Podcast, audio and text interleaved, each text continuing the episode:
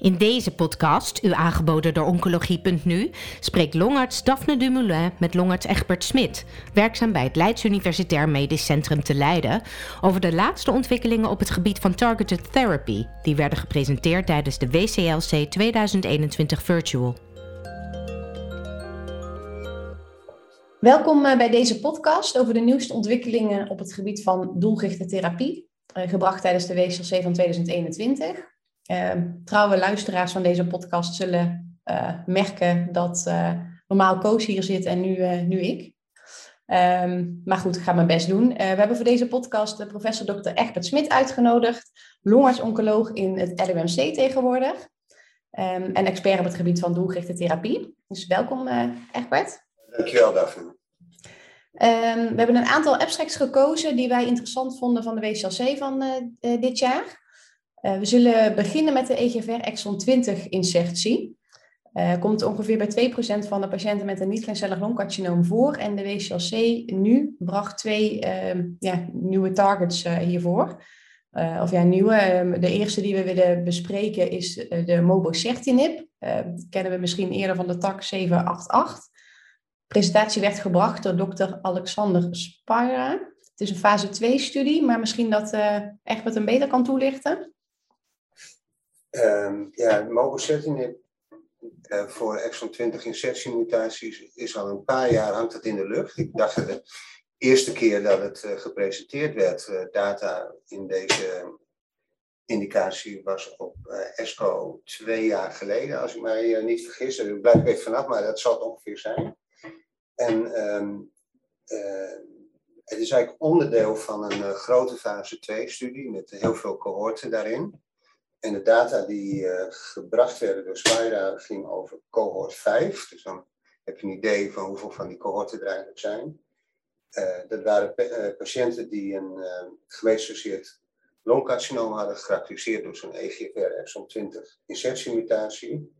Die progressie hadden nadat zij een respons hadden gehad op een voorgaande behandeling en dat werd gedefinieerd als uh, stabiele ziekte of beter, langer dan zes maanden. Op een uh, eh, EGFR-behandeling, gerichte behandeling, daarvoor gegeven. En het is misschien van belang om even hierbij te zeggen dat patiënten met hersenmetastase die progressief waren of symptomen, die waren uitgesloten van deelname in dit cohort. Dus eigenlijk een hele selectieve patiëntengroep um, vroeg me wel een beetje af, mijn eigen ervaring is dat een andere EGFR-gerichte behandeling, uh, ik denk dat daarmee bedoeld werd uh, de nieuwere, zoals poziotinib, want op de respons op osimertinib of een andere eerste, tweede generatie EGFR-TKI bij deze indicatie is bijna nul. Hè? Uh, nou, de resultaten van die studie die waren dat in dat cohort patiënten was de objectieve responsrate die was 40%. Eh, dus dat lijkt voor die patiënten die dus gevoelig zijn, kennelijk, voor uh, uh, tyrosine kinase gericht, remmers gericht tegen EGFR, uh, lijkt dit een uh, medicament te zijn wat zeker waarde heeft. Ook al omdat de mediane progressievrije overleving toch behoorlijk lang was, meer dan zeven maanden. Natuurlijk heeft dit, uh, heeft dit een keerzijde, want uh, ook mobocertinib is niet zonder toxiciteit.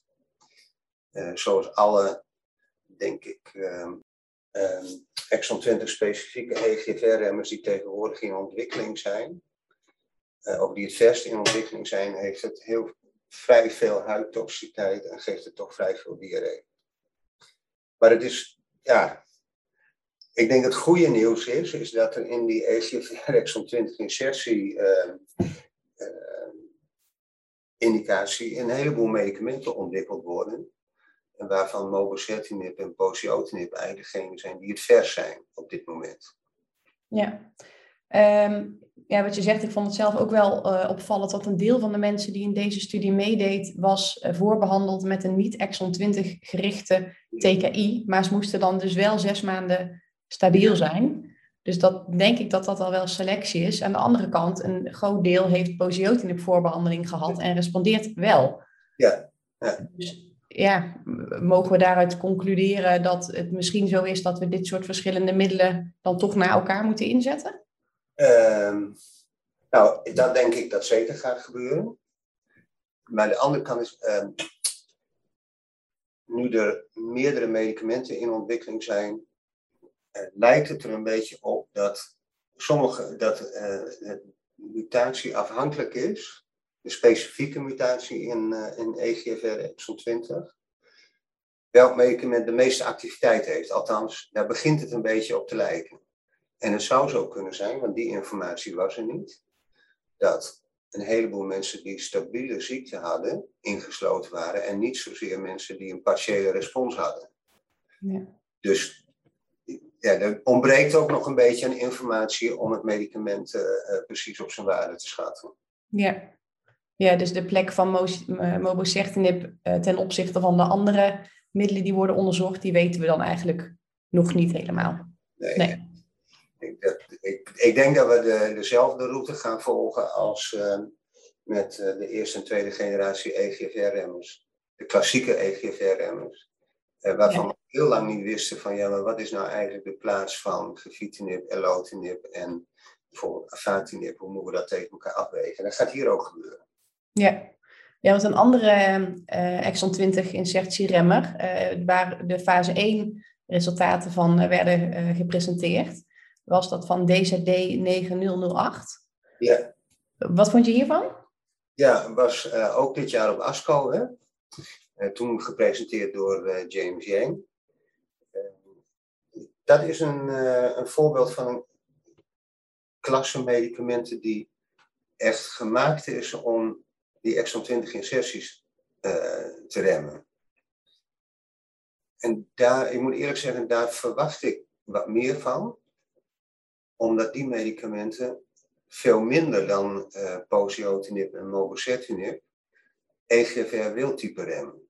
Kijk, het probleem van die twee eerdere medicamenten is Ehm, dat je, je, moet zoveel medicament geven dat, dat, uh, dat het wildtype EGFR ook geremd wordt. En dat is verantwoordelijk voor de toxiteit. Mm En die meer specifieke remmers, waar dit dan een, een voorbeeld van is, die geven veel minder huidtoxiteit en veel minder diarree, alhoewel dat nog steeds de belangrijkste toxiteit blijft, uh, dan uh, uh, en mobocertinib.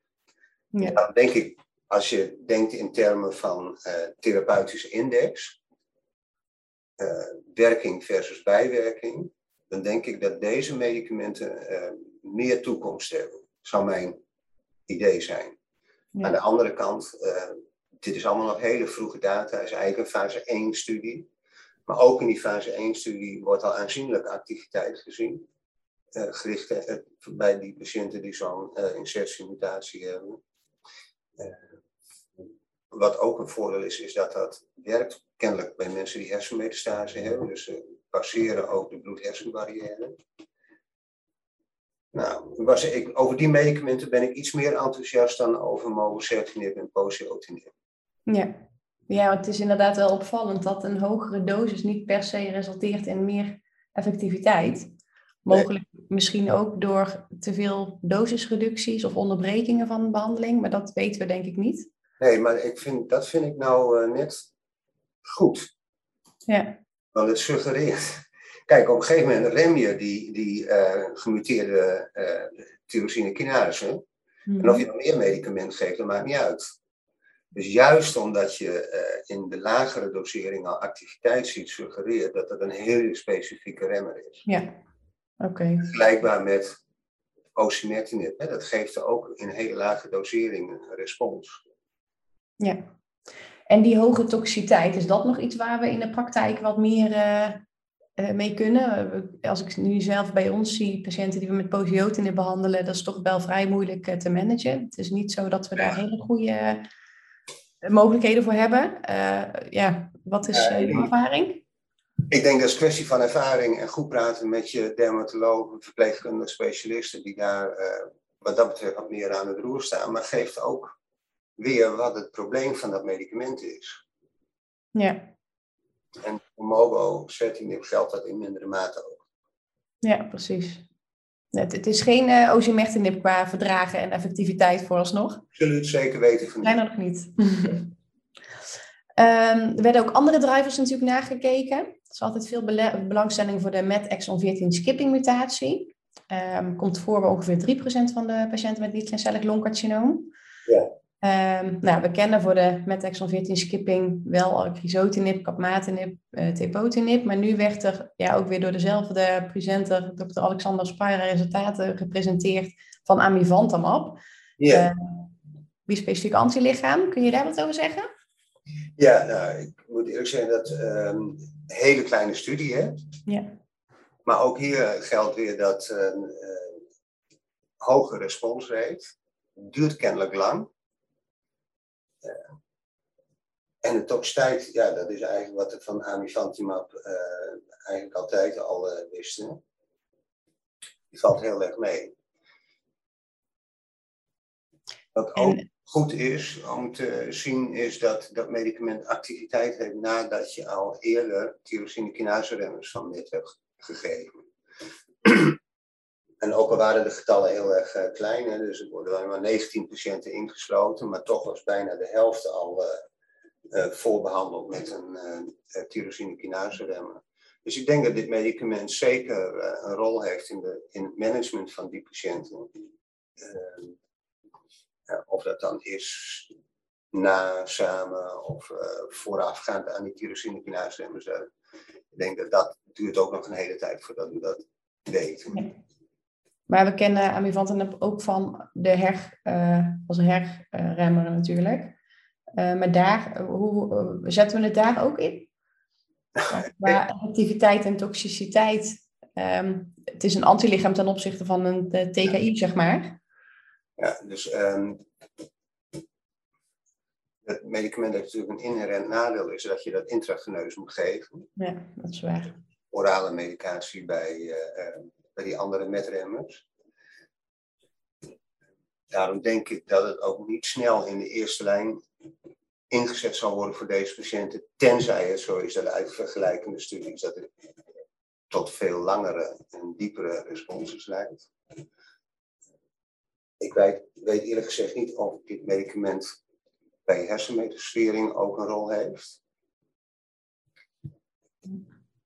Aan de andere kant is het zo dat het breder ingezet kan worden. Het wordt dus ook ingezet in de setting van uh, resistentie bij uh, uh, klassiek, bij resistentie voor osimertinib bij klassieke EGR-mutaties.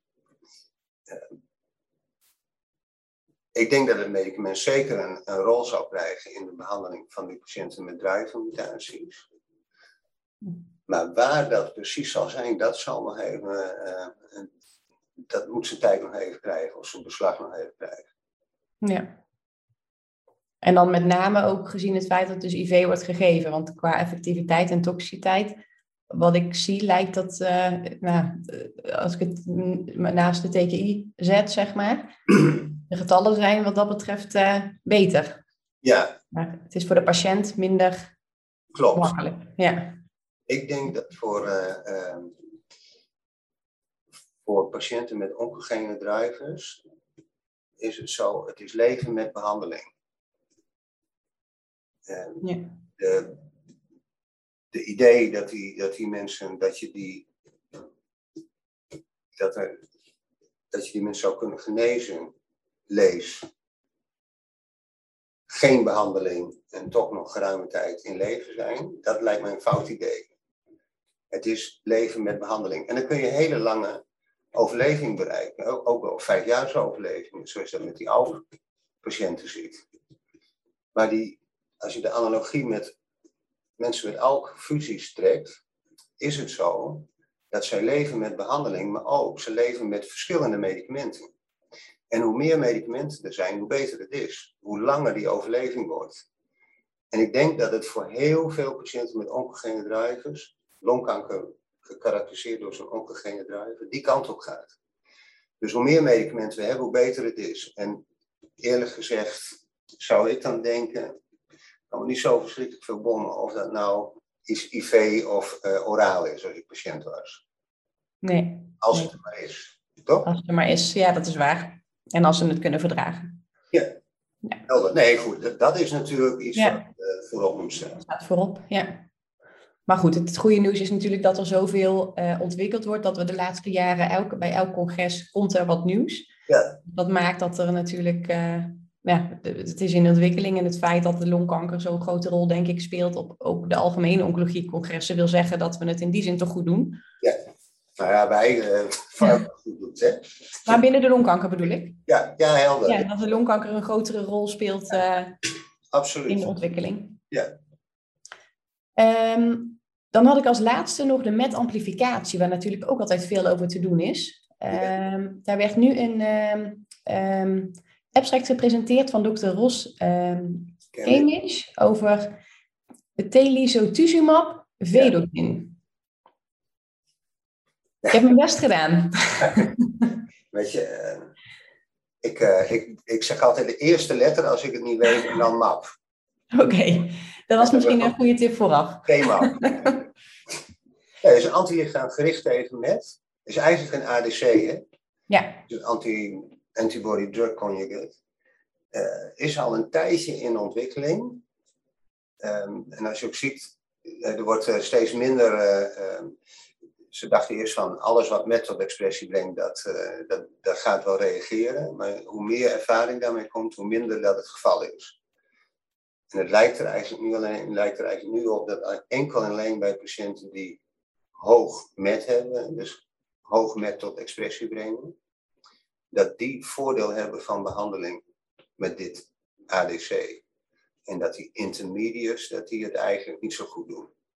En dat, als je goed kijkt, dan zie je dat mensen die uh, helemaal geen uh, amplificatie hebben, dat, je, dat die zijn gewoon weggelaten uit dit onderzoek, daar waar ze eerder waren geïncludeerd. En daarom werkt het medicament niet. En heeft ook een beetje analogie met de tyrosine kinase remmers, die ook zijn ingezet bij met-amplificatie. En daar werkt het ook niet zo goed als gedacht werd. Natuurlijk ook mee te maken met het feit dat die niet gemuteerd zijn. Dus het medicament heeft niet een echt doelwit. Maar ik denk die met-amplificatie toch een probleem apart. Uh, nou, een hele kleine studie geeft ook een beetje aan hoeveel mensen zijn, dat, zijn er eigenlijk die die hoge met-amplificaties hebben, maar heel weinig. Uh, en het medicament niet bijster veel activiteit. Dus ik, ik vraag me af waar dit naartoe gaat. Ja, ik vond het zelf wel uh, opvallend, want ze hadden dan ook een EGFR-mutatie uh, en dan hadden ze daarna een met-amplificatie. Die EGFR werd dan niet meer behandeld. Ja. Um, zou dit nog wel iets zijn waarvan we zeggen dat kunnen we combineren ook met een EGFR-remmer? Nou ja, in ieder geval zal dat onderzocht worden. Ja. Dat gaat zeker gebeuren. En want de, uh, hoe waren de bijwerkingen hierbij? Die bijwerkingen die het is natuurlijk een antibody-drug conjugate, dus het is natuurlijk een ander bijwerkingprofiel dan we van een uh, eh, TKI kennen. Die, moet ik even die presentatie openen? Dan zal ik het vertellen.